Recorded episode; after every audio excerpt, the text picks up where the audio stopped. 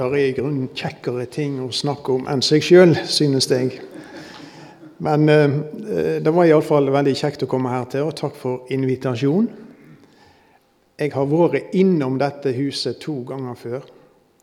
Eh, jeg var innom her for ca. et år siden, kan jeg tenke meg, en søndags formiddag.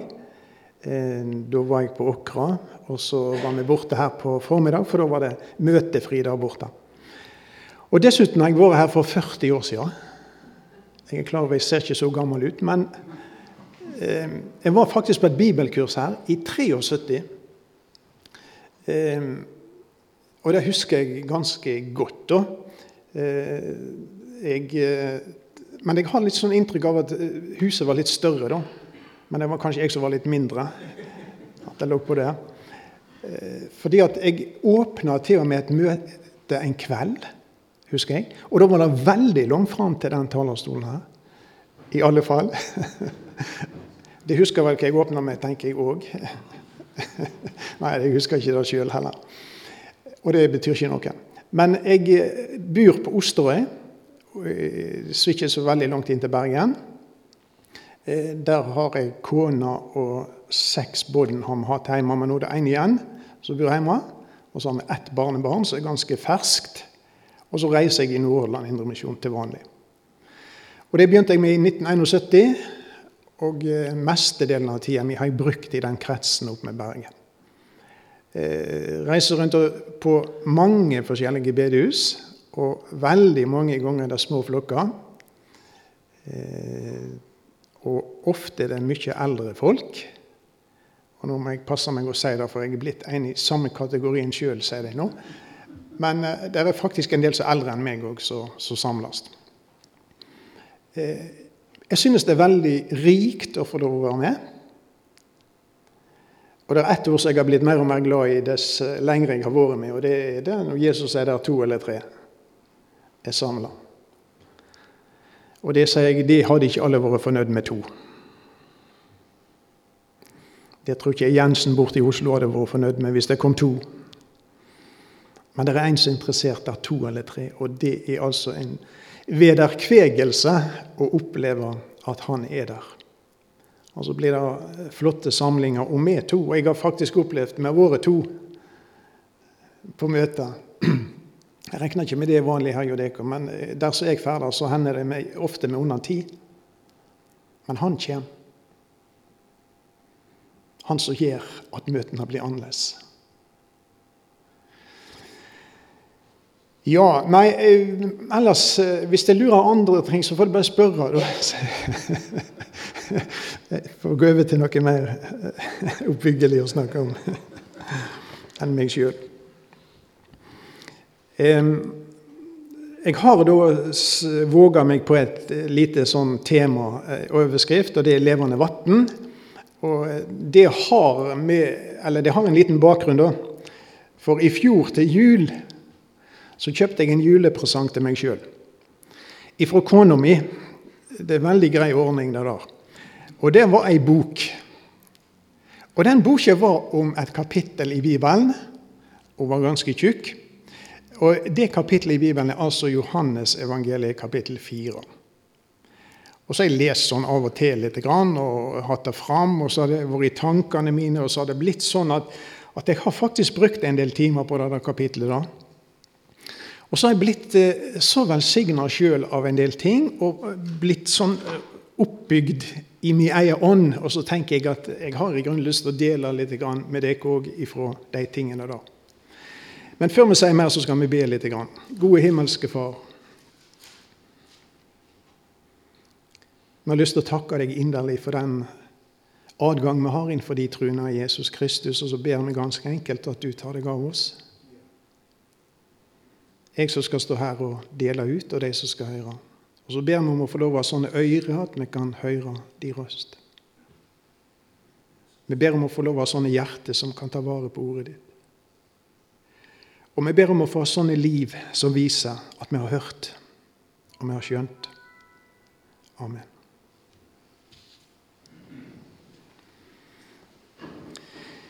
Hvis jeg spør et menneske i et bedehus om hva Johannes 4 preiker om, så tror jeg veldig mange er såpass kjent med det kapitlet at de foreslår det handler om den samaritanske kvinna. Og det gjør det. Men hovedpersonen i Johannes 4 er ikke kvinna fra Samaria. Hovedpersonen er mannen fra Nasaret. Og nå, Hvis det går sånn som jeg tenker, så skal vi se litt på disse tingene. Og jeg tror du skal bli enig med meg etter hvert. At hovedpersonen, det er mannen ifra Nasaret. Og nå kan Hvis det er bibler med deg, så kan vi jo lese litt sammen ifra vers 1. At da nå Herren visste at fariseerne hadde hørt at Jesus vant flere læresvenner enn Johannes, jamvel om Jesus ikke døypte sjøl, men læresvennene hans, da forlot han Judea og drog til Galileat. Han laut å fare gjennom Samaria. Han kom til en by i Samaria som heter Sykar. Han ligger nær det jordstykket Jakob gav til Josef, sønnen sin. Der var Jakobs brønn. Jesus var trøtt etter ferda og satt nå der ved brønnen. Det var ikring den sjette timen. Da kommer ei kvinne fra Samaria for å dra opp vann. Jesus sier til henne, 'La meg få drikke'. Læresveinene hans hadde gått inn i byen for å kjøpe mat. Den samaritanske kvinna sier til han, 'Hvordan kan du som er jøde, be ei samaritansk kvinne som meg om å få drikke?' Jødene har nemlig ikke noe samkvem med samaritanerne. Jesus svarer og sa til henne, 'Kjente du Guds gåve?' Og visste du hvem det er som sier til deg, 'Lat meg få drikke', så ba du han, og han gav deg levende vann. Kvinner sier til han, 'Herre, du har ikke noe å dra opp vann med, og brønnen er djup. Hva har du da det levende vannet ifra?' Du er da vel ikke større enn Jakob, ettefaren vår, som gav oss brønn, og sjøl drakk av han, og like en sønnen hans og buskapen? Jesus svarer og sa til henne, hver den som drikker av dette vannet, vær tørst att. Men den som drikker av det vatnet jeg vil gi han, skal aldri i eva tørste. Men det vatnet jeg vil gi han, vert i han til ei kjelde med vatn som veller fram til evig liv. Kvinna sier til han, 'Herre, gi meg dette vatnet, så jeg kan slippe å tørste og komme hit for å dra opp vann.' Han sier til henne, 'Gå og rop på mannen din. Kom så hit.' Vi stopper der.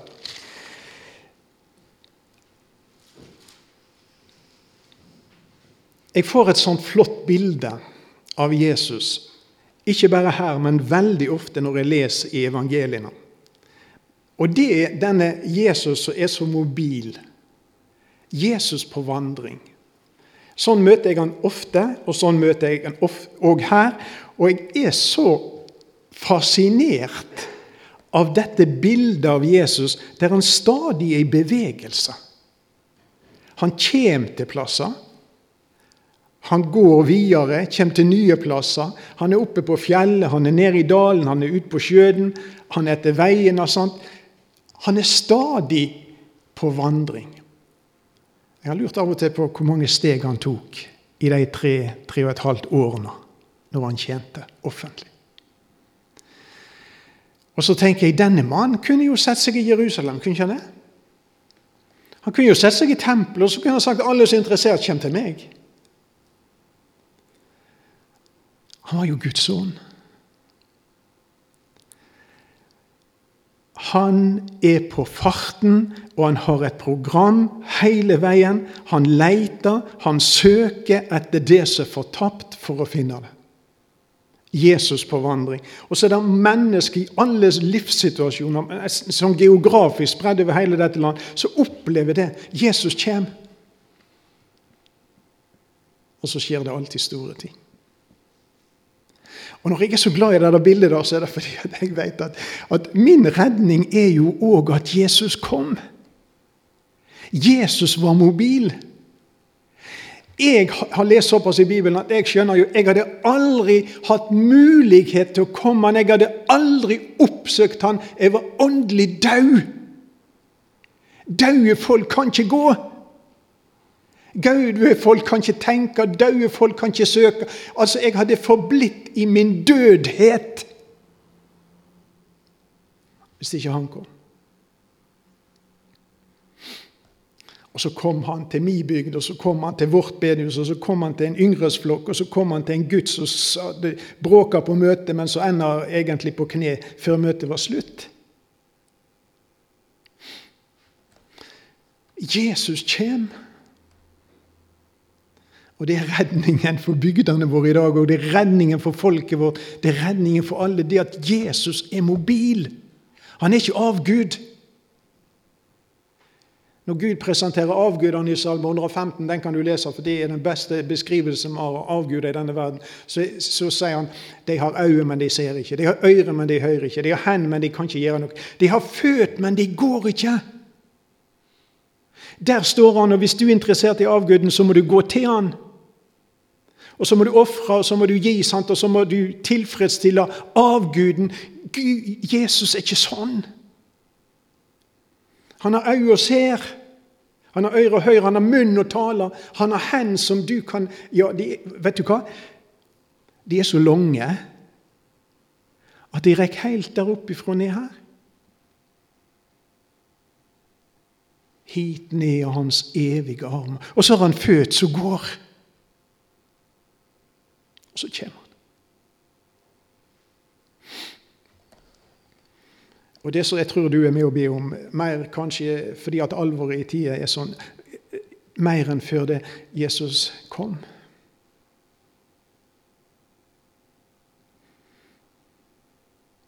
Kom til deg i familien min som ikke er frelst. Kom til naboene våre, kom til bygdafolket vårt. Kom til disse som aldri kommer til deg, hvis ikke du kommer til dem. La det ikke råtne i syndene sine. La det ikke gå fortapt. Jesus kom. For meg er det salig lesestoff å lese om Jesus som kommer, Jesus som går. Og Her i Johannes 4, da nå Herren visste at fariseerne hadde hørt at Jesus var en flere læresvenner enn Johannes, Jesus er populær, det går godt, folk samler seg rundt han, Og Johannes har jo irritert fariseerne og de skriftlærde. fordi at de slutter jo opp om han òg. Og, så har fariseerne og skriftlærere et problem. Og Nå får de et større problem, for nå går folkene til Jesus, og enda flere ikke. Og så blir de frustrerte, sant? og så vil de ta han. Han veit at og tida hans ikke kommer. Og så forlot han Judea, vers 3, og drog til Galilea. Jesus på farten. Og så står det altså, Dette har sikkert alle preikt om, men det står altså det at han laut da fara gjennom Samaria. Han måtte fara gjennom Samaria. Og Hvis vi hadde hatt et kart, så hadde vi sett at han måtte jo slettest ikke fara gjennom Samaria. Og gudfryktige jøder gjorde jo slettest ikke det. De tok en annen vei. De gikk ned Jordan og Jordandalen og, og, og, så opp igjen i Galilea. Juda eller Judea er sør, og Galilea er nord, og Samaria ligger da midt imellom. Så Jesus hadde jo mange muligheter, men han laut, står det her på nynorsk. Han laut fara gjennom Samaria. Jeg har en svensk bibel. Der står det han var tvungen at gå gjennom Samaria. Eh, Samaria vi har sikkert litt bakgrunnsstoff alle når det gjelder akkurat de tingene. da. Men dette folk, altså det var ikke geografien som var problemet. Det var ikke terrenget som gjorde at, var, at de, de, tok en annen vei, jødene. Men det er folket i Samaria som er altså problemet. Og det har med historien deres å gjøre. Og Jeg vet ikke hvor godt du husker det, men eh, hvis vi nå tar en liten tur til, til andre kongebok 17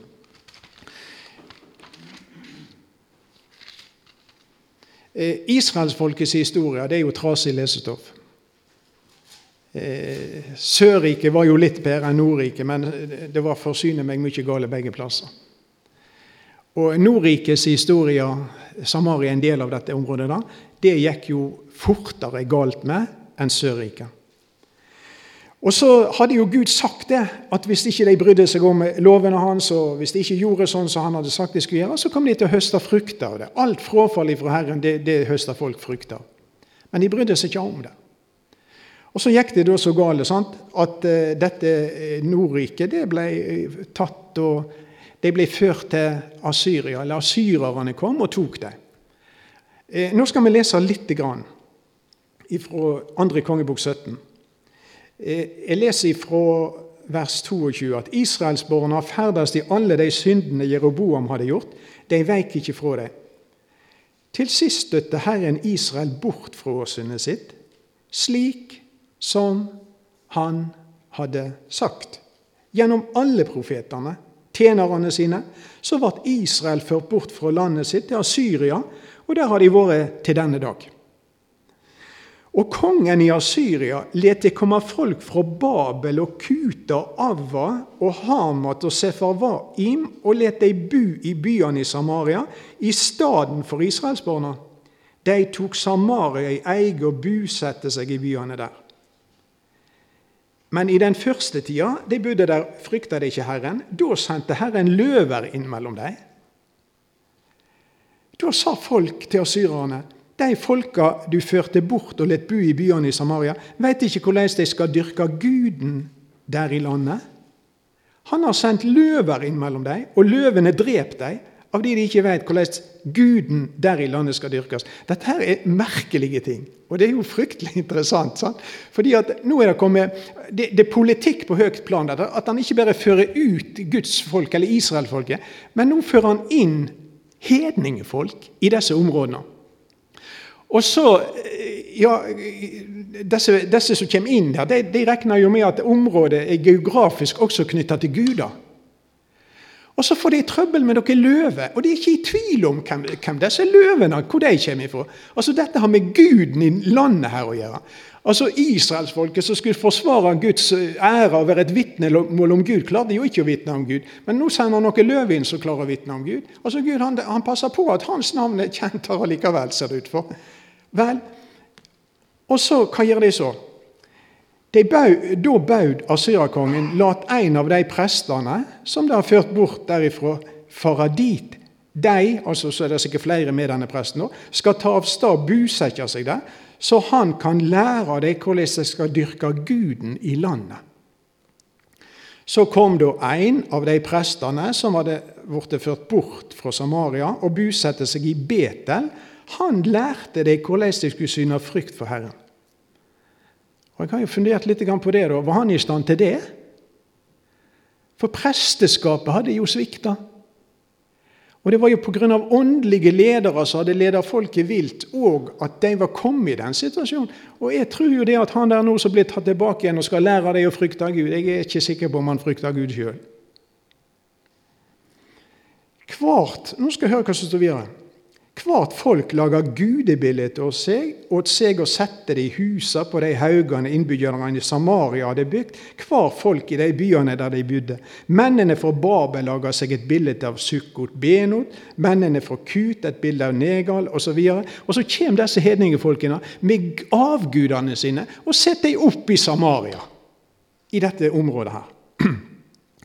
Og Så kommer denne presten inn i bildet, og så står det i vers 32.: Men de otterst Herren òg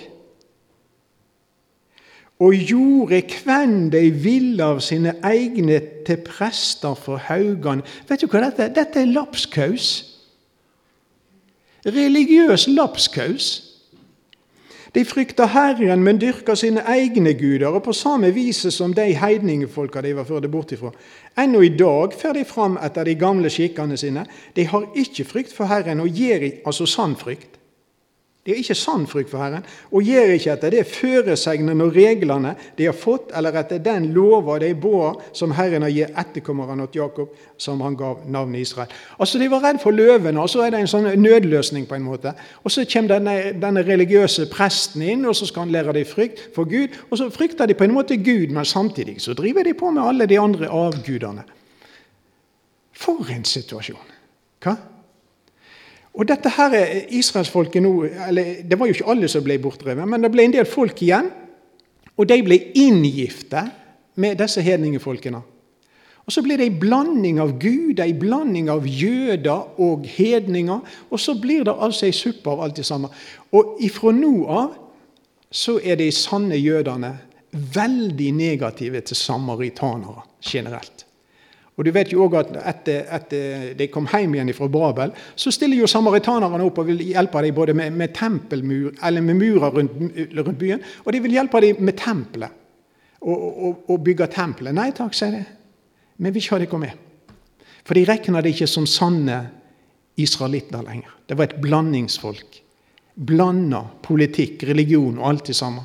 Så de fikk ikke være med. Og da tror jeg, litt i etterkant av det, så bygger de sitt eget tempel på Garisim, samaritanerne. Og så begynner de å gå på, på, til Garisim og, og, og dyrke guder, mens eh, jødene reiser til Jerusalem og dyrker guder. Men dette er litt av bakgrunnen, veldig kort og altfor kjapt, men eh, litt av bakgrunnen for at jødene var så negative til samaritanerne. Og det var jo et skjellsord når de sa samaritan. Da tok de skikkelig 'din samaritan'. Og det sa de jo om Jesus og de som var sinte på. Vel, nå går Jesus rett inn i dette området. Rabbinerne sa det var ureine. Andre sa er avgudsdyrkere. Og fy, fy for et folk. Og Jesus går rett inn. Han laut fara gjennom Samaria. Hvorfor laut han det? Fordi det sto på reiseruta hans. Hvem fikk han reiseruta ifra? Han fikk det ifra sin himmelske far. Jesus tok aldri et steg uten Faderen viste ham hva han skulle gå. Når Jesus nå går inn i Samaria, så er han styrt ovenifra. Min mat, sier han i dette kapitlet, er å gjøre Faderens vilje. Og uten mat dør du.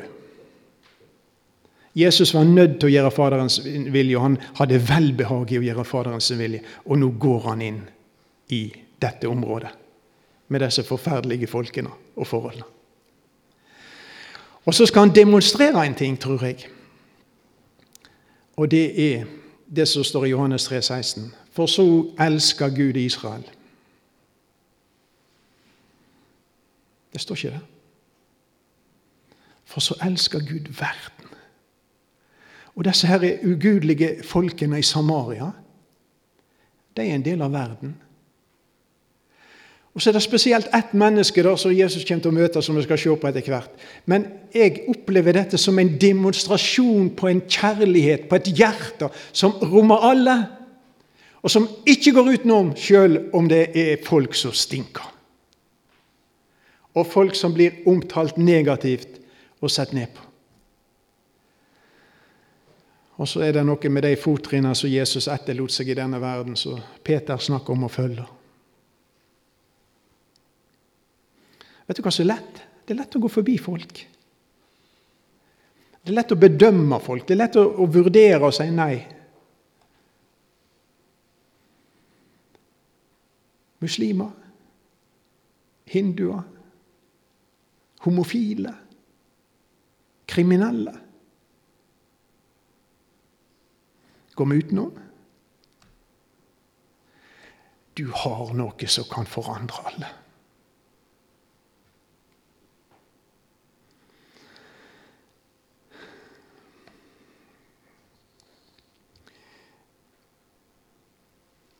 Så kommer han altså inn i Samaria. Nå skal vi gå tilbake igjen til Johannes 4. Eh, og se litt på hva som skjer. Han kommer da til denne her eh, Jakobsbrønn. Vi er i et veldig bibelsk område. fordi at eh, Hvis vi hadde hatt veldig god tid, så kunne vi sett at veldig mange av de bibelske personene hadde vandret i området her, eller vært før eller senere. Og i, i vår tekst her så er iallfall Jakob og Josef eh, eh, referert her. Eller Jakobsbrønnen. Eh, så kommer altså Jesus her i vers 6, og så står det at han var trøtt etter ferda. Ja, det er underlig.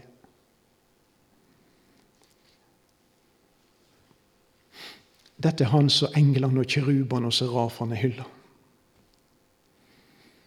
Dette er han som de tilba fra evighet av.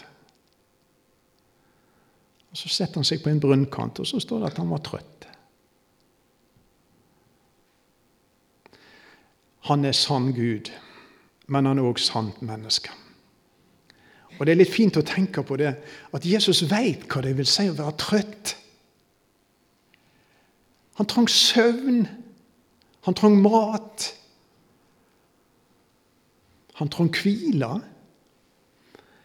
Og han forstår de som er trøtte. Jeg er overbevist om det. Jeg tror til og med han forstår de som har møtt veggen. altså.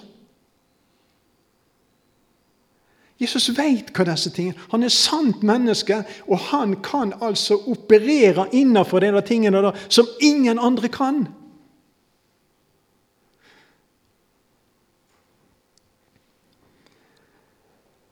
Det var ikring den sjette timen, ja.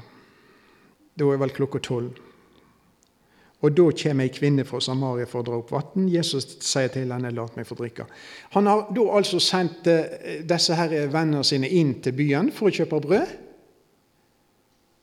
Var det nødvendig? Han gjorde jo brødunder, gjorde ikke han det? To ganger står det at han gjorde brødunder, og så metta han enorme skar. Kunne ikke han bare gjort et brødunder her òg, da? De var vel trøtte, de òg, var ikke det? Jeg vet ikke det. Han gjør ikke under. Under er ikke det normale. Jesus kunne gjort masse, masse, masse under som han ikke gjorde. Jeg tror Jesus kunne helbrede alle han traff. Han gjør ikke det. De fleste ble ikke helbredet på Jesus' i tid. Jesus kunne gått på vann alltid. Han gjør ikke det. Han bruker båt. Jesus kunne mikse opp med drikkevarer for hele gjengen. Han gjør ikke det. En gang han var i et bryllup, han gjorde det. Greiene. Under er ikke det normale. Under hvis underet blir normalt, så blir det ikke under lenger. Men han vet alltid hva han gjør. Og han har alltid kontroll. Og det er alltid best det Jesus gjør. Og så sendte han det inn til byen. Og så fikk han en anledning. Og Da kommer denne her eh, samaritanske kvinnen, og så blir det et møte der ved denne brønnen utafor Syker.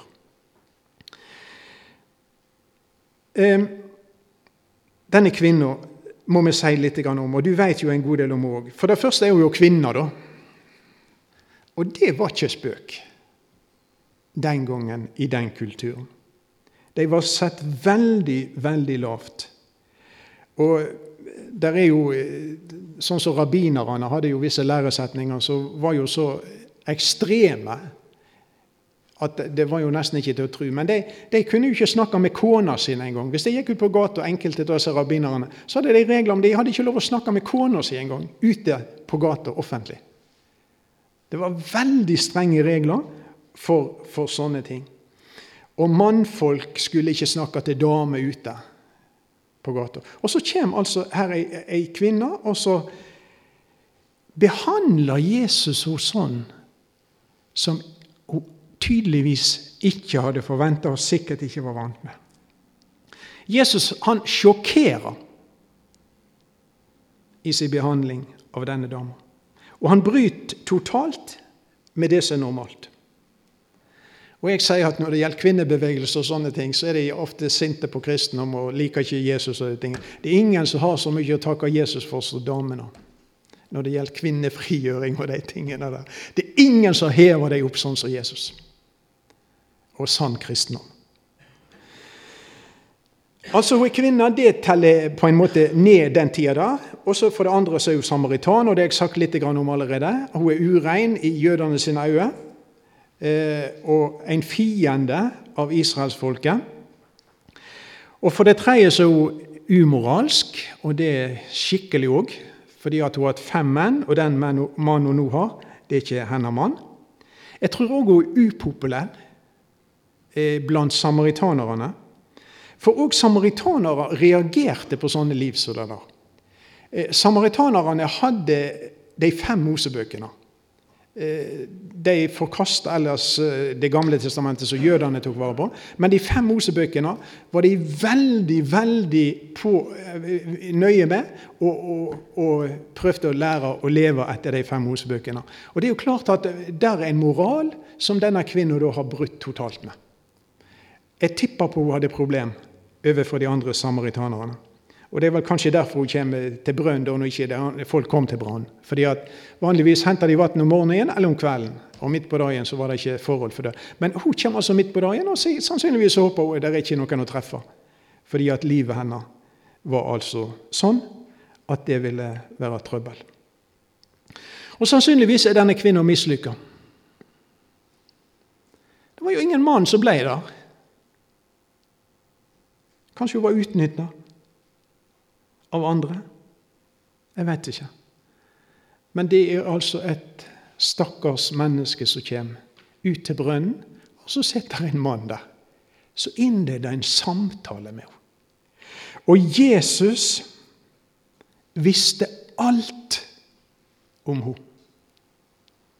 Absolutt alt. Og han kan fortelle henne i detalj om livet hennes. Og denne kvinna tar Jesus seg av som ingen andre. Han snakker med henne, han avslører henne, og han gir henne et tilbud som overgikk alt hun tidligere hadde fått av tilbud i denne verden. Vi skal se mer på det etter hvert. Og så åpenbærer han for henne kanskje tydeligere og klarere enn for de fleste, at han er Messias. Og så får vi et langt referat. Du kan jo gå gjennom møtene av Jesus og møte mennesker. Se, altså Dette må være et av de lengste referatene vi har fra noen samtale mellom Jesus og et annet menneske. Og Jesus sier til henne i vers 26 da, altså da begynte å snakke om Messias. For det, samaritanerne òg hadde Messias-tanker, Messias-forventning. Og, og, og, kvinner sier i vers 25 jeg vet at Messias kommer. Jeg på å si, Det er ikke noe ateist, dette her. Truende. Hun trodde på det der som sto i Mosebøkene og greier. Han som blir kalt Kristus, når han kommer, skal han forkynne oss alt. Jesus sier til henne, 'Det er jeg' som taler med deg. For en åpenbarelse! Jeg er. Jeg er. Det er jeg som er Messias. Jeg som taler med deg. Jeg vet ikke hva du tenker når du hører sånne ting. Jeg vet ikke om jeg, jeg vet ikke om jeg, om jeg har evne til å sette oss inn i disse tingene, men jeg tenker iallfall sånn at at dette her gjør noe med meg. Dette skaper en reaksjon i meg. Jeg må bare si det. Jeg blir altså begeistra. Jeg blir overvelda. Og hvis ikke du jeg har på å si, reagerer på noen som helst måte når du hører om disse tingene, så les en gang til. Og så tenker du litt på hvem er den mannen der? Og hvem er hun dama der? Og hvordan kan dette gå sånn som det gikk i denne samtalen? Og fortsettelsen òg. Jeg sier igjen, her står denne mannen som, som ifra evighet av var Gud. Og jeg har sagt før, så Både engler, kiruber serafer tilba, og som kunne gjøre hva han ville. Sann Gud og sant menneske. Og så bøyer han seg ned, og så tar han og løfter opp et vrak av et menneske. Og så snakker han med henne, og så tilbyr han henne ting som skulle føre til ikke bare et forandra liv, men en forandra evighet.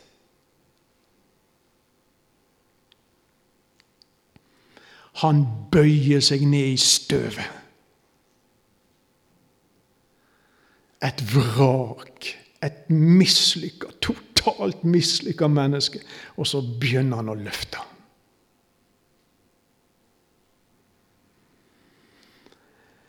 At han kunne bry seg.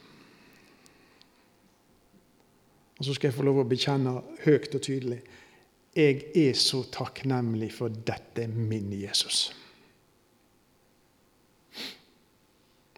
Jeg kjenner en som bryr seg om det laveste av alt lavt. Og Paulus òg elsker å framstille han som altså ser så stort på det som ingenting er. Det som er null og niks. Det som ingenting var. Det utvalgte han, kalte, løfter, renser. Sette inn i sitt rike, sette inn i sin sammenheng. Har tenkt at evigheten skal prydes med sånne. Så i utgangspunktet var null.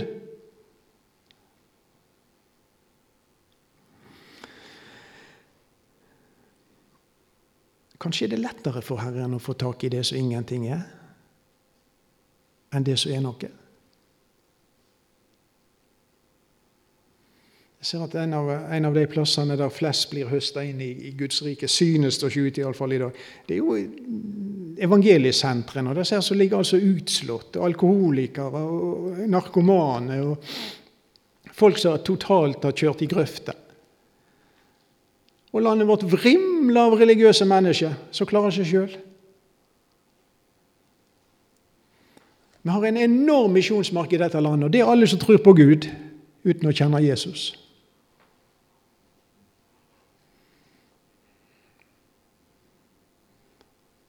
Den største, eller En av de største tragediene i dette folket vårt, vet du hva det er? De skjønner ikke problemene sine.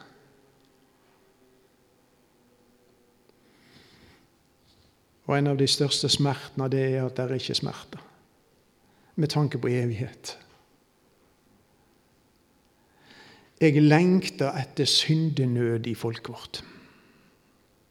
Og jeg lengter etter frelsesfryd. Men i dag er det omtrent ingen som har behov for frelse. De har behov for nesten alt mulig. De står i kø for alt mulig, men når det gjelder å bli frelst, så er køen veldig liten. Men jeg er veldig glad for han som altså kan bøye seg ned og ta opp sånt så i menneskeøyet er ingenting. Men ikke bare det. For Hvis vi nå hadde gått til kapitlet før Johannes 4, og det er jo lett å regne ut, da blir det Johannes 3, så møter vi òg Jesus i samtale med et menneske der. Og det er et menneske som på veldig mange måter er en enorm kontrast til hun i Johannes 4. Jeg tenker på Nikodemus, denne flotte, prektige mann. Han er jøde. Han er mann. Han har ikke tulla livet sitt i, i, i, i sånn eh, offentlig eller skitna seg til, sånn som hun andre. Han er teologiprofessor lærer, flott, respektert, beundra menneske. Jesus tar seg av han òg. Én ting er felles for begge to. De sto utenfor det sanne Guds rike. Og Det skjønner vi godt når vi snakker om den samaritanske kvinnen. Vi skjønner jo det at det var jo hakkende, rivende, ruskende, ravnende galt. Det er like gale med Nikodemus. Religiøsitet frelser ingen. Og Det er prakteksemplar av et menneske. Han sto utenfor det sanne Guds rike. Han fikk klar beskjed fra Jesus du må bli født på ny. Og det er snart ingen som sier lenger til folk.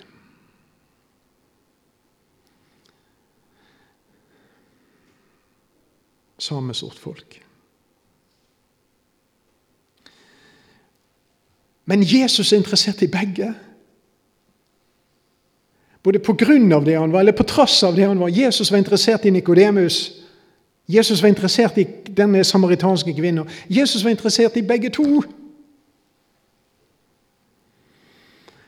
Og det er et fellestrekk mellom de to òg. Det er ganske enkelt at begge kom der Jesus var. Nikodemus kom bevisst for å møte Jesus. Han visste hvem Jesus var. Han oppsøkte han om natta. Han kom dit, han søkte han. Kvinna visste ikke hvem Jesus var. Hun visste ikke at han var ute ved brønnen. Hun søkte han slettest ikke. Hun bare kom til brønnen, og der var han. Begge kom. Og vår erfaring noen søker Jesus bevisst, andre møter Jesus totalt uplanlagt. Det var en som sa han vitna det var et uhell at jeg ble frelst, sa han. Ja. Det var et uhell. Han kom på et møte han ikke skulle. Og så, og så traff, traff evangeliet og så ble han frelst. Det var et uhell at jeg ble frelst. Men de kom altså. Og Dette aner du òg noe om når du leser Bibelen. Noe om at det ikke er tilfeldig, det er ikke på slump, det er altså ikke flaks eller uflaks. Jeg aner noe om Han som styrer alle ting, alt liv som yrer, stjerner du styrer, alt ned til mauren imot. Vet du hva? Jeg tror Jesus han hadde styringen på Nikodemus. Jeg tror Jesus har styringen på den samaritanske kvinnen. Så treffer det Jesus.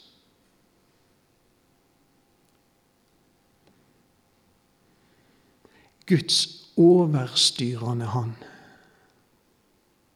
For ingen kan komme til meg uten Faderen dreg han. Johannes 6, 44. Nikodemus, kvinna fra Samaria. Peter, Paulus, du, jeg. Noen forsto det, noen forsto det ikke, men plutselig var det der. Og så frelste Jesus det.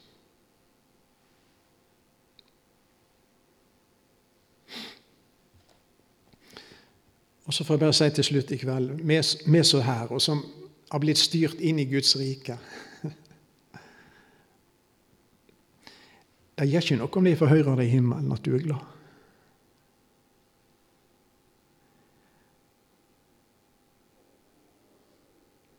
Jeg var på et vitnemøte, eller et vanlig møte, og så preikte og så eh, leder, Møtelederen han gir ordet fritt. og eh, 'Vær så god', sier han. Ordet er fritt. Så var det helt stilt. Så gikk ett minutt, og så gikk to minutter, og så begynte han å bli urolig med beina. og Begynte å bli litt sånn småpinlig. og Så, så bare går han fram igjen, møtelederen, og så ser han utover forsamlingen og så 'Dette var ikke sprekt', sa han. Nei, dette var ikke sprekt. Vet du hva jeg tenker? Det er litt lite lyd i oss, Guds folk. Hvis vi tenker på hva, hva Kristus har gjort, hva Gud har gjort, hvordan han har hentet oss opp ja, jeg er ikke så gal som hun der dama. Er du sikker på det?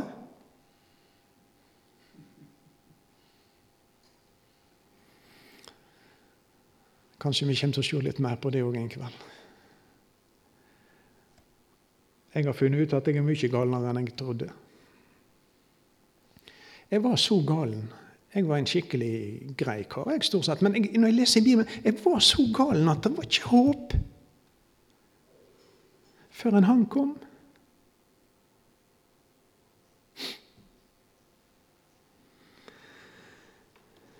Og ingen kommer til Jesus uten Jesus kommer. Og Der tror jeg vi skal stoppe i kveld. Far i himmelen, jeg bare har lyst til å takke deg, prise deg, for det at du bryr deg fremdeles om villfarne og religiøse og alle disse forskjellige kategoriene som er utenfor ditt rike. Takk fordi at du har nåde nok. Takk for det blodet som renser ifra all synd. Og takk for det at du er interessert i å ha oss i ditt rike både i tid og evighet. Vi takker deg og priser deg og tilber deg. Og så ber vi om at alle de rundt oss som ikke kjenner deg, om Herre Jesus, om du kunne virkelig ta deg av deg òg. Og du som hadde nåde for oss, vi ber at du òg gir deg nåde. Kom, Jesus. Bank på hjertedørene.